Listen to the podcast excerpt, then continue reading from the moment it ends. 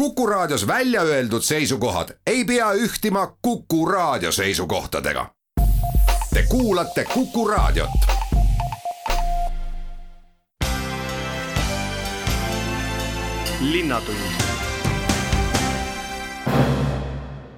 Tere ja kena neljapäeva, head Kuku raadio kuulajad. alanud on Linnatunni saade ja järgneva tunni aja jooksul vaatame, mis pealinnas uudist. mina olen saatejuht Rein Pärn. Tallinnas koostatakse parasjagu ühte väga olulist eh, dokumenti päris pikaks eh, ajaks, nimelt siis pealinna arengustrateegiat aastaks kaks tuhat kolmkümmend viis. ja seal on eh, noh, igast eluvaldkonnast erinevaid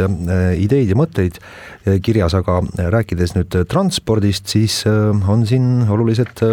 uudised et, et äh, plaanis äh, on, on käima panna või tähendab, oleks äh, hirmus vajadus igal juhul käima panna uuemad ja kiiremad rongiliinid ja lühemad ning lisaks siis ka mitu uut trammiliini tuleks siin pealinnas rajada. mis seal siis täpselt kirjas on, et kuidas seda rongitransporti siin arendada, et inimeste liikuvus oleks mugavam, kui ka millised need uued trammiliinid ja ühendused võiksid olla, seda me saamegi kohe nüüd küsida tervitada meil on telefonil hea meel tervitada Tallinna strateegilise planeerimise osakonna juht Toomas Haidak, tere päevast! tervist! mis olulist äh, seal äh, pealinna arengustrateegias, täpsemalt siis transpordi kohta kirjas on, et mida kõike võiks ja peaks siia rajama? Äh, no teie poolt viidatud kaart on nii-öelda selle arengustrateegia lisa, et kui arengustrateegia ise seab sellised suhteliselt üldised pikaajalised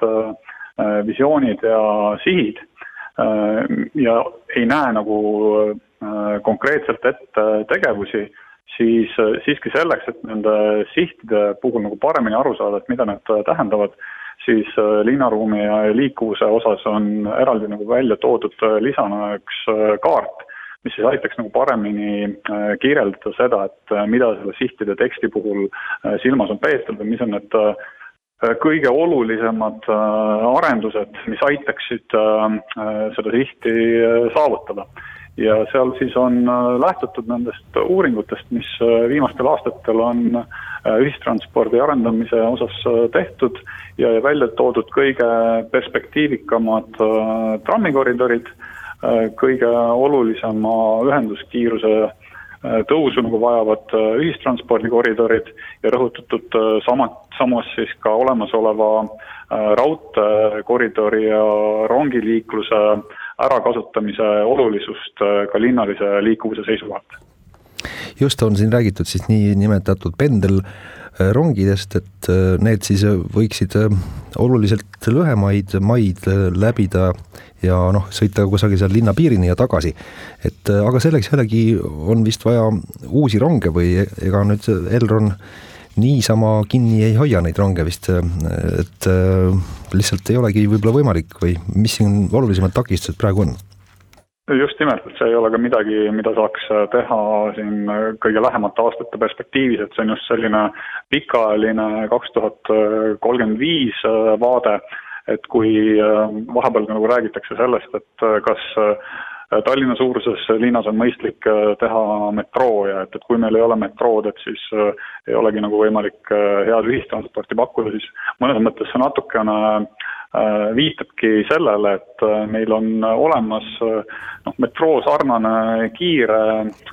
ühistranspordi koridor või koridorid linna sees olemas. Ja, ja kui me seda nüüd äh, pikemalt ette planeerime, siis oleks võimalik neid ka paremini kasutada. mida see planeerimine tähendab, on see, et tõepoolest on äh, vaja siis äh, raudtee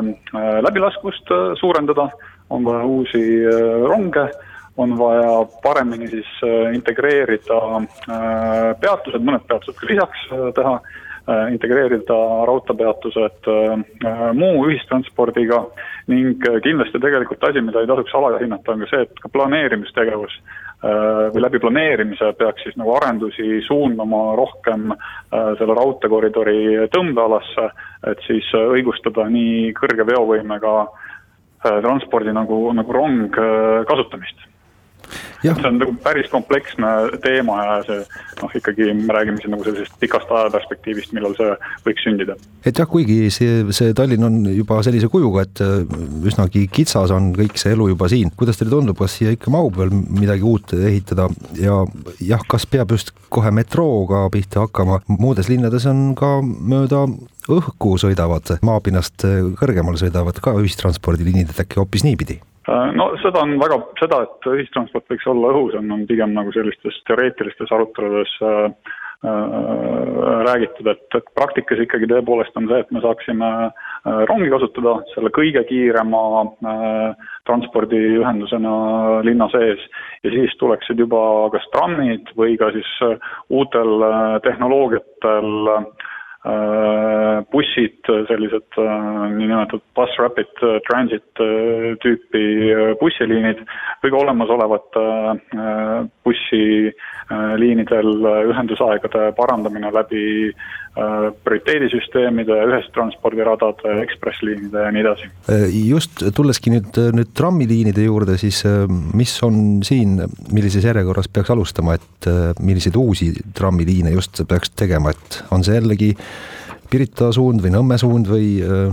siin oli üks, üks kaardistus, mis ütles, et hoopis jah, Põhja-Tallinnasse tuleks mööda Sõlet sinna Kopli poolsaarele veel üks liin rajada või mis teil seal kirjas on? Praegu on äh, esimeses järjekorras välja toodud see, mida vist juba väga paljud teavad, on siis äh, sadama ühendamine trammiga. siis on veel kolme järgmise prioriteedina toodud Rävala puiestee Äh, äh, Rahu äh, tänav ehk siis tuleviku uue Tallinna haigla ühendus ja siis sellise ülepiiriliste ühenduste osas kõige potentsiaalsemana on välja toodud Peetri. ahah, et hakkab pealinna piirest väljapoole ka ikkagi liikuma see trammi, trammi jutt, et seda muidugi no, ammu oodatakse jaa, et arengustrateegia üks selliseid kandvaid sõnumeid on ikkagi kogu linnaregiooni kui terviku vaatamine. Äh, siin eelmisel aastal linnapea ja majandusminister kirjutasid alla ka koostöömemorandumile, äh, mis käsitleb siis muuhulgas äh, Äh, sellisel üle regiooni äh, ulatuva äh, ühistranspordi korralduse arendamist. nii et, et kindlasti selline Tallinna vaatamine koos naabervaldadega on midagi, mida on vaja teha selleks, et liikuvusväljakutseid lahendada ja see üldine suund, et enamik kodudest peaks siis aastaks kaks tuhat kolmkümmend viis äh, asuma sellises kohas, et äh, ühistranspordipeatus ei ole kaugemal kui nelisada meetrit. et selline asi on ka veel seal, seal kirjas, et. no see on eelkõige nagu sellise planeerimissuunisena mõeldud, sest tegelikult äh, võttes ka praegust olukorda, siis see juba on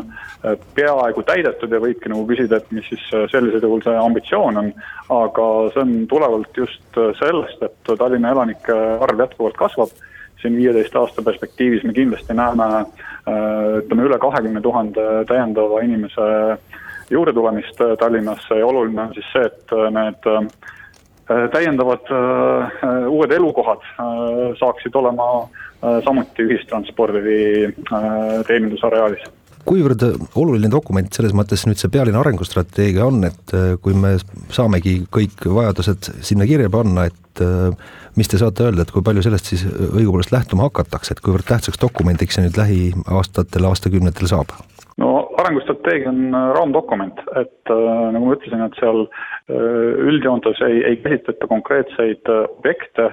konkreetseid tegevusi, kuid see seab nii-öelda sellise mõtteviisi ja sihid millega siis äh, detailsemate plaanide tegemisel, olgu need siis kas planeerimistegevused, investeeringud äh, või ka muud korralduslikud äh, tegevused peavad, millest nad peavad lähtuma. et siis arengustrateegia alusel tehakse kõikide linnavaldkondade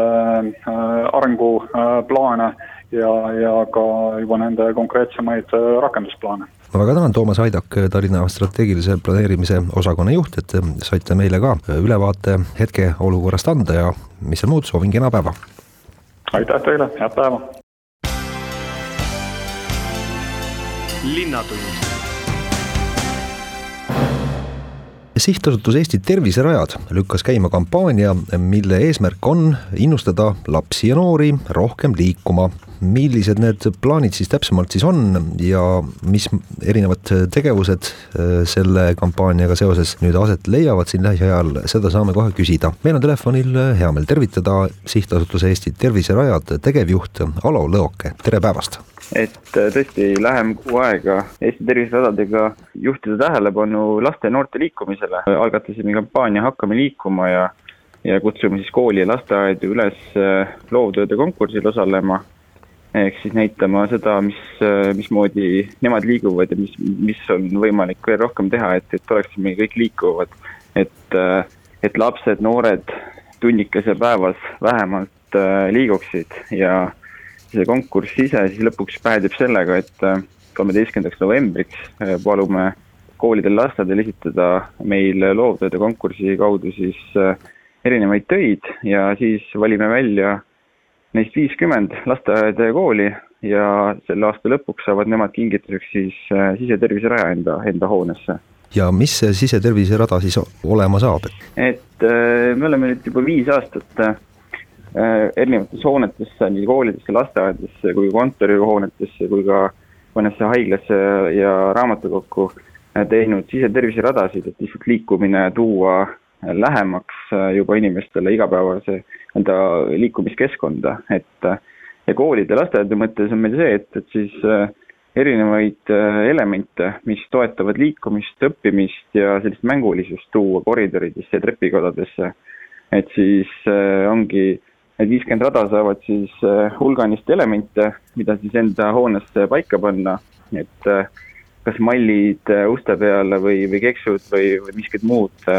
asjad siis, siis ilmuvadki koolidesse erinevatesse, erinevatesse sektoritesse või treppidele ahah, väga, väga põnev. eesmärk on siis jah, et äh, lapsed ja noored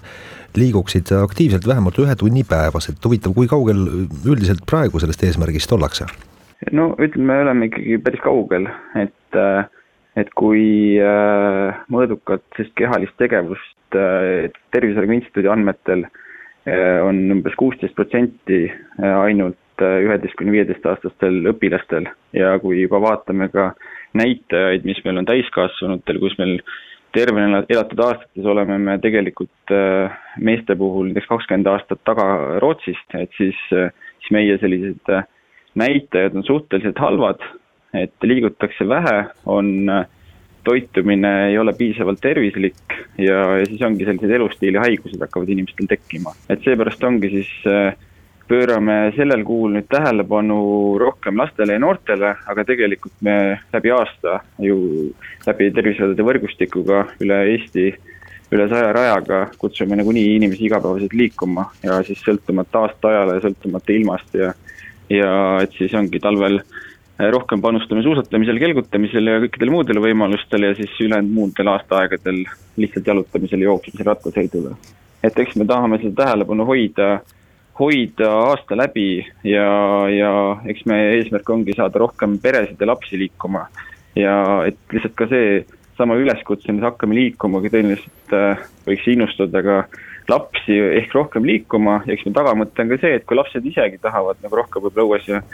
väljas käia ja, ja võib-olla rohkem aktiivsemad olla, siis eks ta tegelikult haarab ka pere lihtsalt rohkem kaasa ja ja ehk me näeme siis tõenäoliselt rohkem, rohkem peresid ka terviseradadel hoopiski toimetamas. Et kui see lähtepositsioon oli niigi kehvakene, et äh, niigi ei, ei liikunud noored ja lapsed piisavalt, siis äh, kui nüüd äh, tuli see koduõppele minek ka veel peale, et siis ega võib vist eeldada, et ega see asi paremaks ei läinud, et pigem jäädi veel tubasemaks ja, ja vähem liiguti ei julge päris seda kõike nii-öelda väita, et see nii võis päris juhtuda, et, et tegelikult just eriolukorra ajal ja nüüd see koduõppe ajal just palju just tuldigi rohkem ka õue liikuma ja käidigi rohkem väljas ja võib-olla ka tänu sellele, et äh, emad-isad on tegelikult ju siis äh, sellise kodukontori režiimis palju olnud ja paljudele ongi see võib-olla isegi mugavaks, mugavus on nagu külge jäänud, et siis ka ajastatakse enda õues liikumisi ja saab palju mugavamalt võib-olla päeva seeski käia hoopiski väljas, et teha oma trenni või oma päevase liikumise ära, et et eks ta nagu on kahtepidi ja pigem ongi tänu sellele nii-öelda teistmoodi olukorrale sellel aastal ongi just leitud neid õues liikumise võimalusi juurde. eks me ise ka tegelikult siis ju jälgime seda ja tahame ise ka võib-olla rohkem vaadatagi seda, et, et saakski lastele ja noortele, just peredelegi rohkem, rohkem võimalusi luua, et mitte ainult, mitte ainult siis äh, liikumisradadena, vaid ka siis tegelikult äh, luua erinevaid seikluslikke asju juurde, rattaradasid, rattaparke, madalseiklusradasid ja ja kõiki muid mängimis- ja selliseid seikluslikke võimalusi, et lihtsalt äh, eks see tegelikult panebki siis võib-olla rohkem, rohkem õue tulema ja ma arvan, et see kevad, kus hästi palju viibiti õues, tegelikult äh, pani selle positiivse looduses liikumise pisiku tõenäoliselt külge ja eks kui nüüd siis nukraid numbreid vaadata ja mõeldagi samade tervenevatel aastate kesistele näitudele, mis pigem paranevad tänu sellele, et ravimid muutuvad paremaks, siis eks me nagu tulevikku vaadates kõige kasulikum ja lihtsam olekski just lastesse ja noortesse panustada. ja, ja koos siis noh, nemad suudame küll tervena ehk hoida paremini ja nemad ongi siis näiteks siis selline tervena elav, elaksid kauem ja, ütleme, kui ise enda liikumisharjumusi võib-olla palju võib-olla täiskasvanutele või pensionäridele ei suuda enam nagu muuta või suunata, siis laste pealt kindlasti on võimalik seda, seda head teha. Ja eks need, kõik need asjad ju käivad käsikäes, et äh, mida rohkem lapsed liiguvad ja värskes õhus liiguvad ja on nii-öelda valgemas, liiguvad ringi, et eks seda paremad on ka ju vaimse tervisega kõik lood ja, ja ka õpitulemused peaksid seeläbi paranema, nii et ei ole siin ühtegi sellist negatiivset aspekti selle juures praegu. loomulikult, et äh, eks ta ongi, kui inimesed liiguvad rohkem, liiguvad regulaarselt, liikumine ongi selline normaalne Äh, ise nii-öelda loomulik päeva osa, siis eks nad ongi, inimesed on õnnelikumad ka, rõõmsamad, tervemad. eks ta kandub nagu igale poole edasi, ongi rõõmsamad perekonnad, emal-isal on liht-, lihtsam tööl käia, on ise võib-olla energilisem ja tervem, et eks ta kõik nagu aitab kindlasti kaasa, et võib-olla kõige lihtsam, kindlam majanduspoliitika ongi see, et oleme lihtsalt tervemad ja liigume rohkem ja olemegi tänu sellele ka rõõmsamad, et eks meil on ka siis kergem ka vastu panna erinevatele raskustele, et ma arvan, et sellise liikumisrõõm ja õnnehormoonid, mida liikumine annab, kindlasti aitavad kaasa meile kõigile igapäevases elus. selline uudis siis jah, et eh, terviserajad on sellise liikumist eh, liikuma kutsuva kampaania käima lükanud, ülevaade sellest teemast väga kena olemas, aitäh, Alo Lõoka selle jutu eest ja soovin kena päeva! aitäh! linnatund Rakverest alguse saanud ja seal kümme aastat toimunud ööjooks on toimumas sel aastal hoopis uues kohas ja peetakse siin Tallinnas ning joostakse Ülemiste City's ümber Ülemiste City ning eeloleval nädalavahetusel siis õhtupoolikul see aset leiab. kuidas üleüldse selline asi nagu üks spordiüritus saab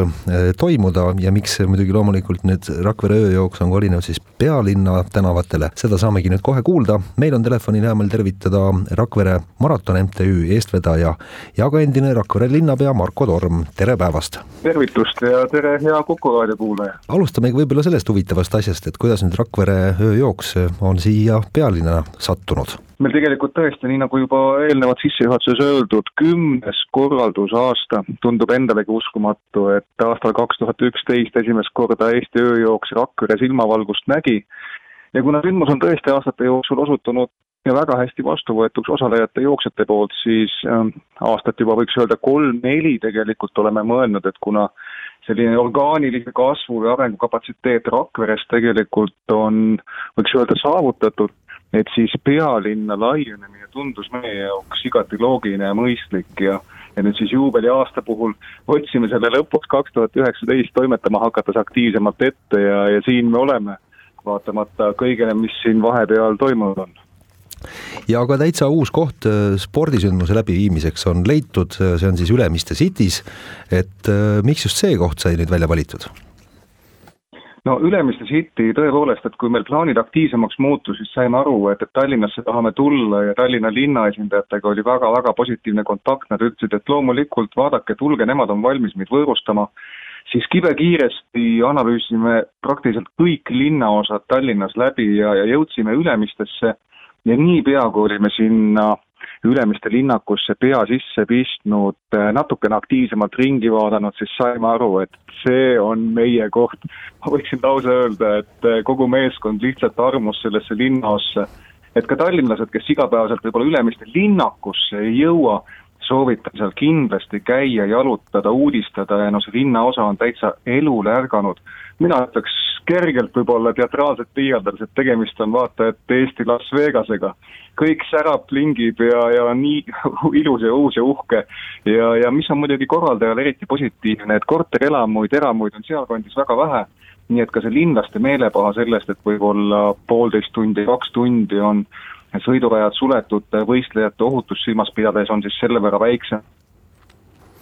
ja see annab võimaluse ju natukene rohkem mürgeldada ja, ja sellist show elementi ühele spordisündmusele juurde panna, et olete seda võimalust usinalt vist ka nüüd kasutanud? jaa, tõepoolest, et äh, meil ikkagi viimasel neljal-viiel aastal Rakveres on üle kaheksa tuhande osaleja igal aastal öö jooksul osalenud kahekümne kahest riigist või rohkemastki. Ja üks põhjus tõenäoliselt, miks ööjooks on hästi vastu võetud Eesti inimeste poolt, on ka see, et ta eristub väga selgelt oma elamusliku formaadi poolest et äh, kui me mõtleme ka, et ilutulestikud, tulemeri, tulemasinad stardis, kõik see emotsioon, mis saadakse kätte ja, ja ka nüüd viiekilomeetrise raja puhul Ülemiste linnakus, kakskümmend elamuspunkti, kus siis tantsijad, DJ-d, äh, valguskoridorid, trummipõrin ja mida kõike seal ees oodata on, et parkimismaja läbimine, City Stocki koid, konteinerlao läbimine, et see elamus liikumisest, jooksmisest ka nende jaoks, kes võib-olla muidu peavad äkki jooksmist selliseks rutiinseks ja nüriks tegevuseks, et noh, nende jaoks sealt peaks tulema indu küllaga, et oma treeningute ja liikuva eluviisiga jätkata, nii et, et seda kõike ööjooks kindlasti pakub kõik see korralduslik pool nüüd, et äh, see eriolukord, äh, nojah, mis praegu enam ei ole küll, aga aga ikkagi soovitatakse äh, rakendada ettevaatusabinõusid, et mida kõike olete siis võtnud kasutusele? Jah, küsimus igati õigustatud ja tuleb, äh, tuleb tõdeda, et kõikidele korraldajatele, olgu siis kultuuri- või spordivaldkonnas, on see aeg loomulikult olnud üli-ülikeeruline ja mina siinkohal veel kord tänan Tallinna linna, Ülemiste linnaku arendajad, Ülemiste Cityt, Tehnopolist ja Ülemiste keskust kindlasti, kes vaatamata raskele ajale on siiski öelnud, et, et me saame teha, me saame korraldada ja, ja meie omalt poolt siis oma kümneaastase korralduskogemusega ja kasutades kõiki teenusepakkujate tarkusi, oleme pannud paika plaani, et, et kuidas siis turvaliselt inimeste jaoks see sündmus läbi viia. Äh, ka meie planeerisime selleks aastaks tegelikult kuni neli tuhat osalejat, aga midagi teha ei ole, et äh, koroona-aasta on koroona-aasta, seatud piirangud ja, ja ja võib-olla inimeste alalhoiutunne ka on, lõpuks tähendab seda, et me võistluspäeval suure tõenäosusega võõrustame umbes tuhat viitesadat inimest kelle me mahutame kenasti pea kahesaja meetrisele stardikoridorile, mis on omakorda kaheksa meetri laiune. oma väljastuspunkti, stardimaterjalid, võistluskeskus oleme toonud kõik Ülemiste keskusest välja, Ülemiste keskuse ette parklasse, et oleks see kõik värskes õhus, välitingimustes, meie inimesed kannavad maski, visiiri, ühekordseid kindaid,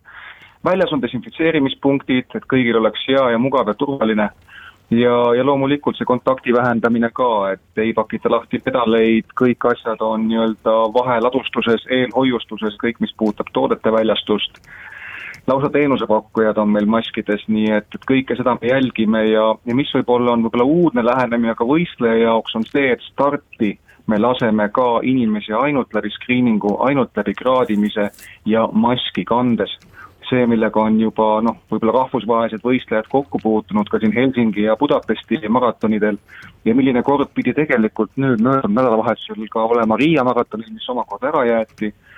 siis tõesti, et starti saab ainult maski kandes ja maski saab eemaldada võistleja siis peale lähet ehk peale stardijoont ületades. Pannes ta siis kas tasku või visates siis vastavasse prügi utiliseerimispunkti, mis on circa kahesaja meetri kaugusel stardist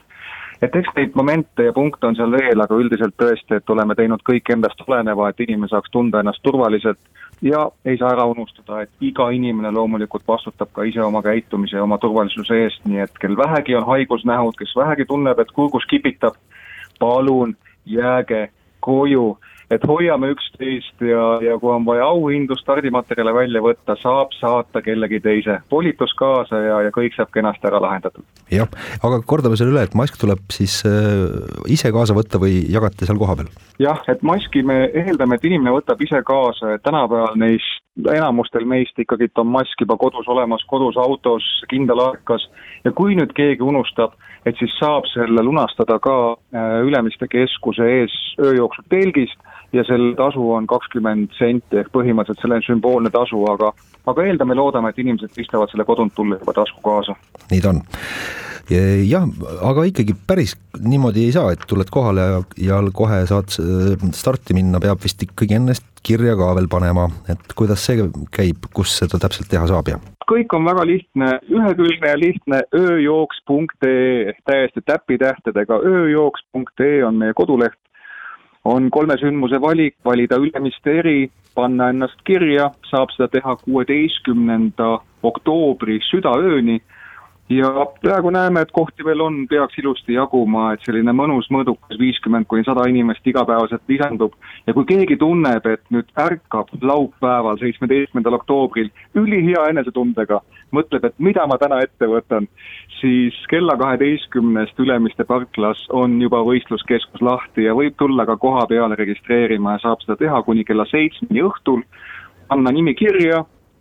loomulikult tundes, et tal on piisavalt füüsilist võimekust, et viite kilomeetrit või kümmet kilomeetrit läbida ja saab, ma usun, ühe suurepärase elamuse siia, võiks öelda, et jooksuhooaja kulminatsiooniks Tallinnast ja ööjooksult Ülemistelt. veel võib-olla küsida nüüd liikluse kohta, et eh, jah, seal Ülemiste City's siis ei tasuks väga nüüd seal laupäevasel päeval noh, näiteks autodega või mingi muu suurema suurte sõidukitega ringi liikuda, et äh, vist toimuvad ettevalmistused ja, ja, ja jah, jooksu ajal ei ole lihtsalt viisakas äh, sportlaste vahel sõita, aga kas peate lausa ka mõne teelõigu kinni panema liikluseks või kuidas sellega on? jah, et tõepoolest, et äh, just võistlejate ja, ja ka inimeste vara hinnates, et on siis koos Tallinna Transpordiametiga kooskõlastatud plaanid, mille kohaselt siis poole kaheksast õhtul poole kaheksast õhtul kuni kella kümneni on Ülemiste linnakus, võiks öelda, et praktiliselt ikkagi kogu sõidutee osa on võistlejate päralt. me ise küll eeldame vaikimisi, et, et avada saame neid tänavaid juba varem, aga et kui vähegi võimalik, et poole kaheksast siis kella kümneni laupäeva õhtul paluda mitte mootorsõidukitel liikuda, et, et seda niisugust meelepaha ja, ja endalgi võib-olla närvikadu vähendada. ja mida me saame öelda ka ühistranspordi ümbersuunamiste kohta, et siis tõesti, et bussiliinid kaks, seitse, viisteist, nelikümmend üheksa ja kuuskümmend viis, et need on siis need bussiliinid, mille puhul igapäevased reisijad juba tänasest peaksid nägema oma bussipeatustes ümbersuunamismärke ja ja, ja kõik kenasti on inimeste jaoks välja pandud, nii et igaks juhuks lugeda, vaadata üle, mis on bussipeatustes kirjas ja palume mõistvat suhtumist, mis muud, et kaks tundi, kaks natukene enam tundi võtab see aega ja usun, et üheskoos saame kenasti seal hakkama. loodame, et äh, kõik sujub ja tuleb üks meeldejääv spordisündmus äh, ööjooksu näol siin pealinnas. ma väga tänan, Marko Torm, et äh, selle asja julgesite läbi viia ja, ja ette võtta ning mis seal muud, kena sportlikku ööjooksu siis kõigile tänan ja meie soovime kõikidele tervist, püsige terved ja liikuge ikka, aitäh teile! linnatund ajad on pisut keerulisemad kui varem ja äh, nüüd on selline olukord siis jah, et äh, ega need inimesed äh, väga hea meelega väljas ei liigu, aga samas on näiteks esmatarbekaupasid ja toidukaupasid vaja saada küll. ja nüüd noh, näiteks kui tuleb karm talv ja, ja paks lumi tuleb maha, et siis on see liikumine veelgi raskem, aga võib-olla paljud inimesed ei teagi, et on Tallinna linnal sellised teenused lausa olemas, et inimesed toovad kõik vajaliku kogu koju kätte ja vastav süsteem on ka kõik nüüd paika pandud. Kuidas saab siis linn olla abiks neile inimestele, kel on hädasti tarvis abi, seda saamegi kohe nüüd arutlema hakata, meil on hea meel tervitada telefonil Tallinna Sotsiaal- ja Tervishoiuameti värske juht Raimo Saadi, tere päevast! tere päevast! alustame võib-olla sellest koduteenusest, et mis see selline üldse on ja kui laiaulatuslikult on linn valmis seda teenust osutama et koduteenus on siis äh, üks Tallinna linna poolt osutatavatest sotsiaalteenustest, mis on siis äh, mõeldud valdavalt äh, kas siis üksi elavatele eakatele, puuetega inimestele, kes siis ilma kõrvalise abita igapäevases elus toime ei tule. et seal on erinevad siis koduabid, tegemised, hooldamistoiminguid, aga ka üks osa tõesti, nagu juba sissejuhatuses oli, et ka poekaupade koju toomist, kui inimesed ise ei ole võimelised enam käima kui me vaatame Tallinnas, kui paljudel seda inimes-, seda teenust siis inimestele osutatakse, et äh, siis meil on circa tuhat, tuhat ükssada inimest, kes on siis koduteenuse klientideks kui nüüd konkreetsemalt rääkida siis äh, poekaupade kojukandest, et siis ähm, äh, kuni siis selle aasta kevadeni tehti seda eelkõige läbi koduteenuse hooldustöötaja,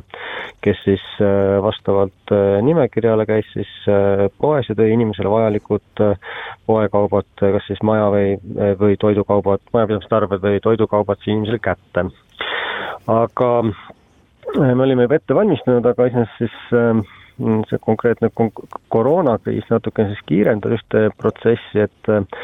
et me oleme tahtnud koduteenuse hooldajaid siis sellisest äh, poes käimise kohustusest äh, vabastada, leida täiendavaid paindlikke võimalusi. ja üks võimalus on olnud siis see, et äh, selliste poekaupade tellimist ja, ja, ja kohale toomist teha siis läbi e, e-poe keskkonna ja kullerteenusena ja ühe siis äh, esimese tegevusena kaardistasime ära, et kes üldse oleksid võimelised äh, sellist äh, e-poe tellimise kullerteenuse osa kasutama, et see on üheks oluliseks eelduseks see, et inimene on siiski võimeline ust avama ja tulema siis üks hetk pakile vastu ja eelnevalt siis võtma ka kõne vasta. et siis sellest tuhandest, tuhande ühesajast kliendist kusagil kuussada viiskümmend klienti on sellised, kes oleksid siis võimelised ka siis sellist võimalust kasutama ja see protsess äh, on äh, üles ehitatud äh, suhteliselt lihtsalt, ma ütleksin, et koduteenuse osutaja siis ehk hooldaja aitab teha siis selle tellimuse ära koos kliendiga. selleks on siis linn võimaldanud ka koduhooldustöötajatele tahvelarvutid, et seda toimingut teha ja teostatakse siis äh, põhimõtteliselt äh, e-poe tellimus äh, inimesele vajalike kaupadega. ja täna, kui me vaatame seda kasutust, siis sellest ähm, circa kuuesaja viiekümnest potentsiaalsest kliendist circa nelikümmend viis protsenti seda ka kasutab, ehk siis kusagil kolmsada klienti on täna siis need, kellele siis e-kullerteenuse kaudu poekaubad koju tuuakse. Ja linn on läinud ka siis ette ka seda võimalust, et kuni kuus kullerkorda kuus tuuakse siis inimesele tasuta, ehk siis koos linna kaasfinantseerimisega. et sealt edasi, kui inimesel on tihedamad soovid, siis, siis see on siis inimese omaosalusega katta. aga toidu ja, ja poekaupade kulud katab inimene muidugi ise jah, et siis see hooldustöötaja lihtsalt tellib selle kauba ära, eks ole, ja siis ikkagi ja. nüüd see kuller toob selle kauba kohale, mitte siis hooldustöötaja ise.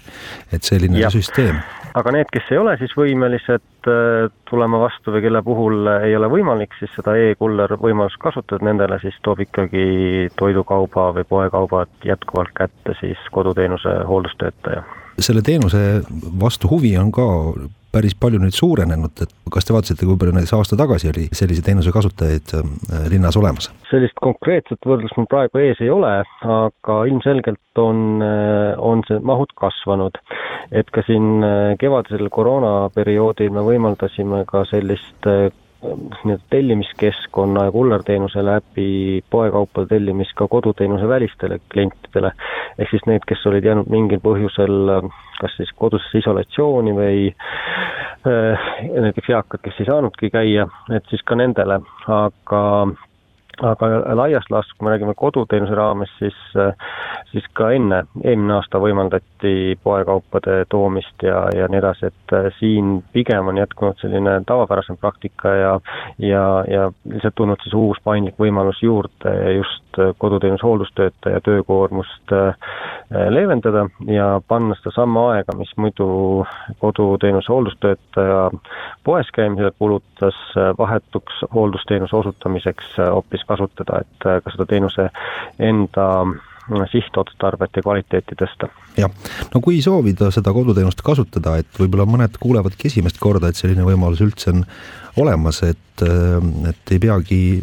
tunde kulutama selleks, et korra poes ära käia, et kuhu siis helistada või kuhu kirjutada või kuidas selle teenusega liitumine käib? no kui tegu on nende abi vajava inimesega, siis tuleks võtta ühendust elukohajärgse linnaosavalitsuse sotsiaalhoolekande osakonnaga. aga, ja sellele siis järgneb põhimõtteliselt abivajaduse hindamine, et kui ikkagi äh, teenust osutatakse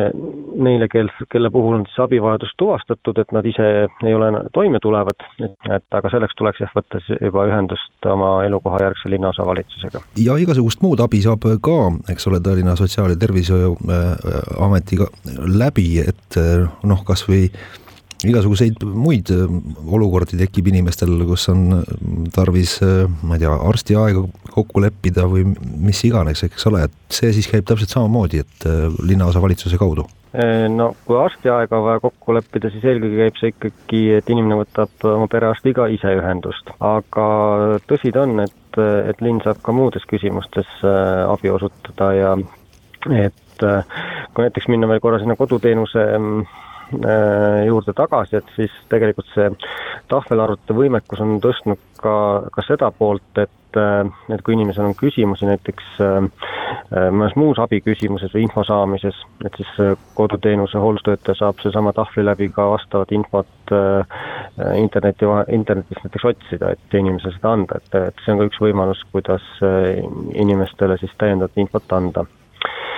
aga muidugi on äh, Tallinnal ka muid erinevaid toetusi ja, ja meetmeid, osasid meetmeid, mis on nüüd ka koroonakriisi ja koroonakriisi järgsest majanduslangusest tingitud äh, vajadused, et et, et praegu on siin näiteks äh, ranitsatoetuse taotlemise võimalus on neile lastele või lapsevanematele, kelle laps läbis esmakordselt Tallinnas kooli ja kes on Tallinna elanikud, siis suvisel perioodil sai siin Äh, raskustes sattunud äh, peredele äh, koolivaheajal pakutud toiduabi võimalust. nüüd ühe lisameetmena, mida on välja töötatud, et kui nüüd siin koroonakriisi ja majanduslanguse järgi mõned inimesed peaksid kaotama elukoha, et siis meil on võimalus ka täiendavaks üüritoetuse võimaldamine, jätkata võimalikult tavapärases elukeskkonnas ja et neil oleks eluase tagatud ning ka lasteaia kohatasu osades on toimunud ka lisamuudatusi, et et näiteks munitsipaallasteaedades äh, võimaldatakse siis äh, kuni sada protsenti kohatasu vabastus äh, majanduslikesse raskustesse sattunud peredele, et siis kus näiteks pere esimene liige saab alampalga määra sissetuleku ulatuses iga järgmise pereliikme kohta siis kuni kaheksakümmend protsenti, et neil on võimalus siis saada lasteaia kohatasu vabastust, lisaks ka siis haridusliku erivajadusega laste puhul. ning äh, näiteks ka siis eralasteaedade puhul ja lastehoiu puhul on siis võimaldatud äh, toidukulude täiendavat äh, kompenseerimist ning hariduslike erivajaduste laste puhul täiendavat siis kohatasu toetust ja lastehoiu puhul samamoodi. hea on teada seda, et äh, süsteem abivajajate aitamiseks on linnal olemas ja vahendid ning selle peale on aegsasti mõeldud ja, ja, ja loodame siis, et sellest intervjuust ka natukene nüüd on abi, et äh, siis kes, äh, kes vajab abi, võtab ise ühendust või, või jah, kes näeb, et keegi vajab abi, et siis võib-olla samuti püüab asja, asja käima lükata. mina väga tänan, Raimo Saadi, Tallinna Sotsiaal- ja Tervishoiuameti juht, et saite sellest teemast meile kena ülevaate anda ja soovin teile kena päeva ja jõudu tööle! aitäh ja kena päeva ka teile! linnatund